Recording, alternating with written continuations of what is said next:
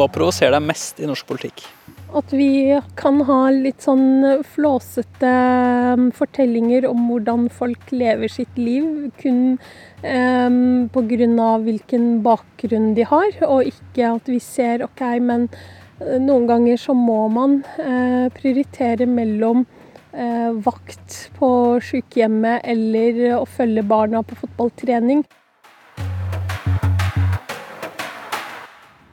Mitt navn er Marian Hussein. Jeg er stortingskandidat for Oslo SV. Før valget ja, 13.9 så er jeg egentlig en uh, Nav-veileder, men uh, håper å bli en stortingsrepresentant for Oslo etter 13.9. Vi står midt blant tretoppene på Stovner og ser utover Oslos nordligste bydel. Mariann Hussein har tatt oss med til en gangbro som slynger seg oppover i lufta, Stovnertårnet. Her vokste Hussein opp etter at familien flyktet fra krigen i Somalia. Det jeg husker best, er vel kanskje Jesperudjordet, som er eh, fotballbanen rett nedenfor her. Eh, her tilbrakte jeg vel mange eh, ettermiddager og somrer med mine søsken og venner til å både spille fotball og bare relativt henge. Jeg husker eh, samholdet eh, her på Stovner. Eh, og det at eh, nabolag og eh, venner gikk eh, i ett. Men Hussein husker også hvordan det var å være flyktning før familien kom til Norge. Jeg har en del minner som noen ganger er litt preget av de fortellingene jeg har hørt, men som er jeg husker hvordan det var å miste en onkel i krigen, og det å på en måte forlate hjemmet og nabolaget som vi hadde i Somalia. Og til den dag i dag så uh, hører jeg jo på en måte om forskjellige naboer som, og hvordan det har gått med de, og uh, er veldig takknemlig for at min familie hadde muligheten til å flykte når vi flyktet. For det har ikke vært lett for de som ble igjen. Husker du noe fra den dagen da det skjedde, da dere dro? Nei, fordi det er ikke én en enkelt hendelse. Men jeg husker på en måte rett før vi dro at det var uro, at mamma på en måte var veldig opptatt av at vi ikke skulle gå ut, og at vi var nødt til å reise til bestefaren min, eh, for han bodde ikke i Mogadishu. Og på den måten der så var vi um, trygge i den lille landsbyen. Hussein har også jobbet som pleieassistent, miljøterapeut og i barnevernstjenesten. 34-åringen har ledet SVs inkluderingsutvalg og har vært lokalpolitiker i bydelsutvalget i Gamle Oslo. Hussein har også sittet i sentralstyret i SV. Siden 2017 har hun vært vararepresentant for SV på Stortinget. Jeg husker at jeg ble oppringt og skulle være vara, og hvor ehm, stolt jeg var av å få lov å representere ja, byen min i noen eh, dager. Men også det å gå på Stortingets talerstol for første gang og debattere en viktig sak for oss i Oslo, som er boligpolitikk, som var den, den første saken jeg debatterte. Um, og viktigheten av mangfoldig botilbud for folk i byen, sånn at flere kan bo i byen. Boligpolitikken er en av mange ting hun vil endre på hvis hun får makt etter stortingsvalget. Jeg ønsker en endring i hele boligsektoren og boligbyggingssektoren. Vi ser at det ikke fungerer. Vi må slutte å bygge boliger som spekulasjonsobjekt, og bygge det til, eh, til hjem til eh, folk. Eh, unge mennesker som ønsker å etablere seg, men også eldre mennesker som ønsker å kjøpe seg noe lite, sliter i det boligmarkedet som er i dag. Eh, så vi må få gjort noe med boligmarkedet. Og, og, det kan ikke være sånn at det er bare markedet som styrer. Så her må vi også gå tilbake til tegnbordet um, og, og, retenke uh, boligsektoren på nytt. For vi ser gang på gang veldig mange grupper som ut altså som støtes ut. Og jeg har ikke lyst på det Oslo jeg ser konjunkturen av i dag, hvor, eh, hvor mange ikke har råd til å kjøpe eget hjem. Og da Hussein møtte som vararepresentant i juni 2019, ble hun den aller første som talte fra Stortingets talerstol med hijab. Da du snakket på talerstolen, eh, så var det en del oppmerksomhet rundt hijaben din. Hvordan eh, opplevde du det? Det er jo litt sånn folk som er opptatt av um, holdt på å si, av å peke på hijaben som problem. Da. Eh, de slutter på et eller annet vis å lytte eh, til menneskene og kun ser på utseendet ditt, enten du er eh, kvinne med hijab eller du er en homofil mann. Så jeg tenker at veldig mange av de menneskene som driver med sånn identitetskriging på negativ forstand, de de har litt av å lære de, de, bør begynne å lære å lytte til folk, istedenfor å bare peke på det som eh, differensierer oss og gjør oss annerledes, og heller se på OK, men hun er en politiker som ønsker noe med samfunnet, la oss lytte til eh, hvilke politikk er det hun ønsker å uh, føre med seg, da. Hva tenker du om at du er den første stortingsrepresentanten som vil gå med hijab, hvis du blir valgt inn?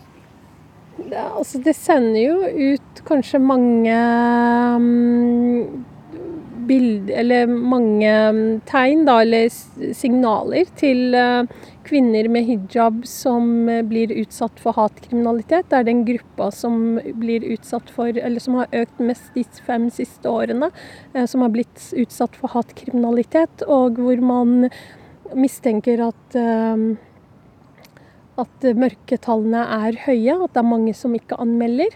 Eh, men jeg blir også den første personen av afrikansk opphav som blir eh, representant på Stortinget, muligens. Um, så det er veldig mange ting som jeg kanskje er første av. Men jeg håper ikke at det er den siste. At jeg håper at uh, vi får uh, en haug med kvinner med hijab og personer med, av afrikansk opphav som melder seg til tjeneste, enten det er i bydelsutvalg eller fylkesting i årene framover, og på Stortinget. Så jeg håper at flere deltar i demokratiet og sier sin mening på hvordan vi kan få Eh, forbedre vårt samfunn, da. Eh, Istedenfor bare se på kles- eller hudtoner. Hva tenker du rundt regjeringsspørsmålet? Bør SV inn i regjering, eller bør SV holde seg utenfor å være et tydelig opposisjonsparti? Det kommer vel an på sluttresultatet eh, politikken, eh, tenker jeg. Ehm, for det er på en måte politikken som avgjør for SV. SV har ikke vært det partiet som har eh, utestengt noen. Vi har sagt ja til å samarbeide med alle på ikke-borgerlig side. Vi sier ja til MDG, ja til Rødt, ja til Ap og ja til å samarbeide med Senterpartiet. Selv om de har vært opptatt av å utelukke oss.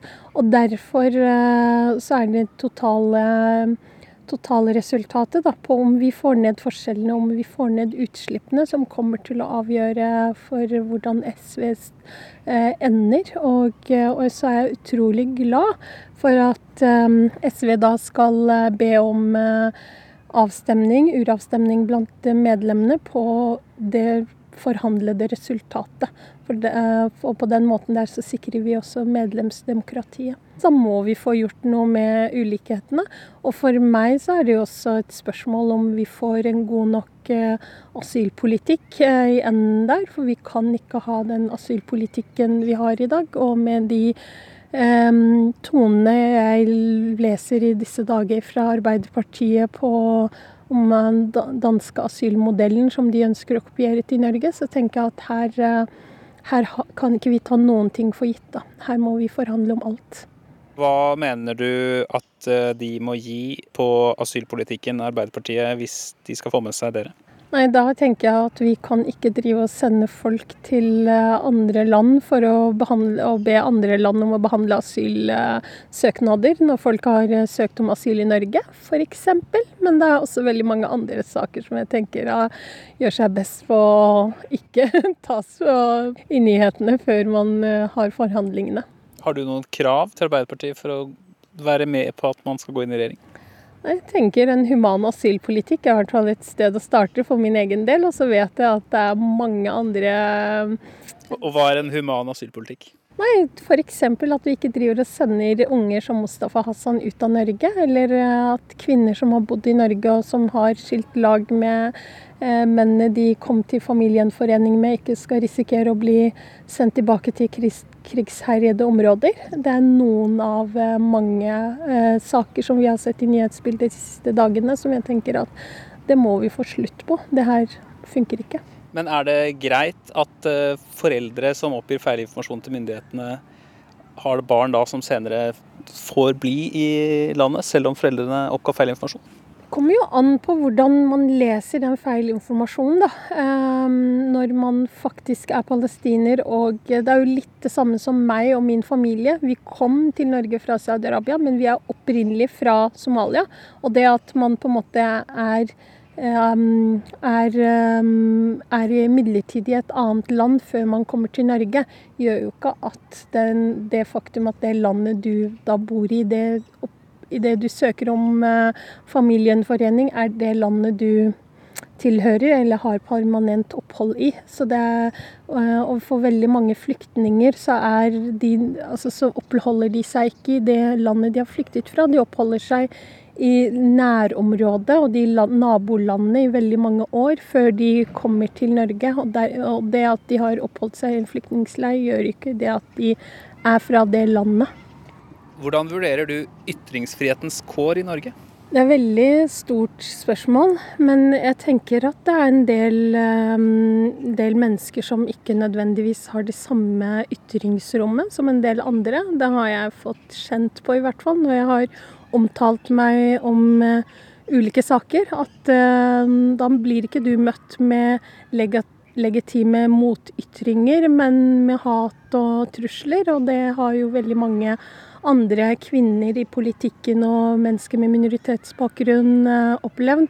Sånn at vi, ha, vi, er en del som er ekstra utsatte når det um, når det, ja, når det på en måte spisser seg til. Og dermed så må vi jo spørre oss selv om uh, ja, ytringsfriheten uh, er under press, men ikke fordi um, hvite menn som pusher 50 ikke får lov til å si N-ordet lenger, men fordi andre mennesker blir truet med livet når de uttaler seg om visse saker.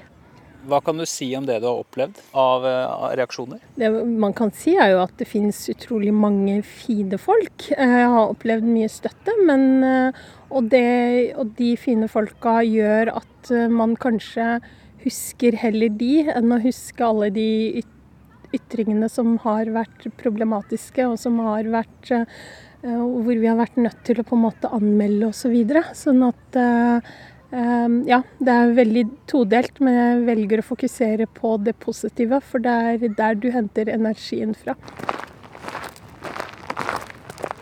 Hussein, som snart kan representere Stovner og Oslo for SV på Stortinget, hvis velgerne vil, viser oss mer av Stovner. Her ser vi en sånn skikkelig fet eh, Hva skal man kalle det? Det er ikke en bobil, men det er en sånn Hæ? Food truck, ikke sant? Vi møter lokale ungdommer som selger vafler og eplemost som de lager selv. Hvordan går det? Har dere pause nå? Ja, men vi har pause bare. Vi kan starte. Et tiltak som først ble startet opp av ungdomsrådet på Stovner. Ved Øvre Fossum gård kan folk se hester og ponnier som spiser gress ute i sommersolen. Hva har vært det beste for deg under koronapandemien? Det beste har vært at eh, jeg har um, hatt en trygg jobb. Um, og, um, og, familie kan uh, ha kunnet treffe deler av.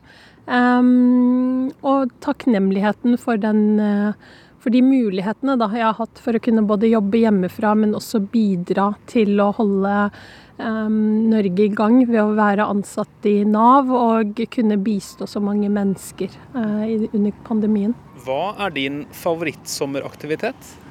Det er å um, ta båten ut i Oslofjorden uh, og tilbringe ja, hele dagen egentlig i en av de mange øyene vi har i Oslofjorden. Uh, det er en vi har ikke hytte å reise til, så vi har Oslofjorden, og det er jeg veldig takknemlig for.